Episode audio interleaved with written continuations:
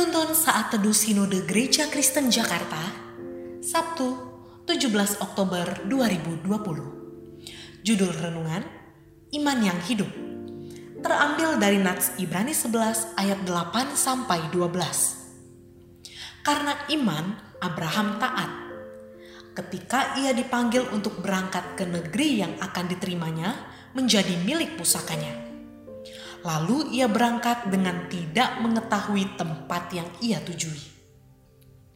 Karena iman, ia diam di tanah yang dijanjikan itu, seolah-olah di suatu tanah asing. Dan di situ ia tinggal di kemah dengan Ishak dan Yakub, yang turut menjadi ahli waris janji yang satu itu. Sebab ia menanti-nantikan kota yang mempunyai dasar yang direncanakan dan dibangun oleh Allah. Karena iman, ia juga dan Sarah beroleh kekuatan untuk menurunkan anak cucu. Walaupun usianya sudah lewat, karena ia menganggap dia yang memberikan janji itu setia.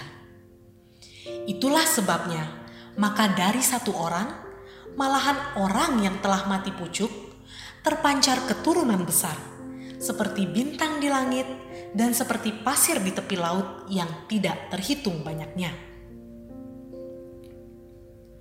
Dalam perjalanan hidup kita sebagai murid Kristus yang autentik, tidak bisa dilepaskan dari sikap hidup yang mau tunduk dan taat pada guru agung kita, yakni Yesus Kristus. Namun, untuk sampai kepada kehidupan yang tunduk dan taat kepada Kristus, kita harus menghadapi perjuangan dan pergumulan yang berat. Maka, dari hal tersebut, kita mau berjuang bersama untuk dapat memiliki iman yang hidup, sehingga pada akhirnya kita dapat menanti hasil yang dijanjikan Allah. Dari penulis Kitab Ibrani, kita diingatkan sekali lagi untuk memiliki iman yang hidup jika kita mencermati kata iman, bukan hanya sekedar percaya, melainkan juga berarti kesetiaan. Kesetiaan adalah satu bentuk dari kata sifat. Maka dari hal tersebut, kita mencermati bahwa ternyata di dalam iman yang dikendaki Allah adalah karakter kesetiaan yang dimiliki oleh murid Kristus murid Kristus dapat belajar kesetiaan dari Abraham. Dia memiliki iman yang hidup, walaupun dirinya harus melewati proses yang panjang dan tidak mudah dari Tuhan. Namun, ia terus setia dalam imannya kepada Allah.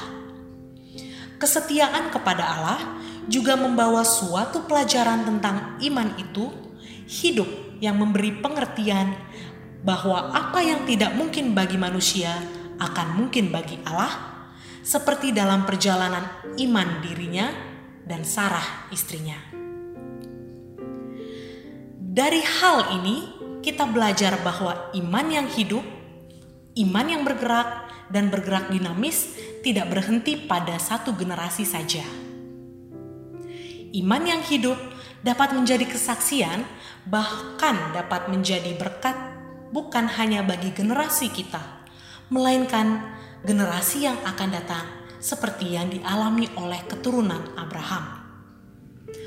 Maka dari hal tersebut, marilah kita memiliki iman yang hidup dengan terus memusatkan hidup kita kepada sumber hidup dengan setia sehingga kita menerima berkatnya dari sekarang sampai selamanya.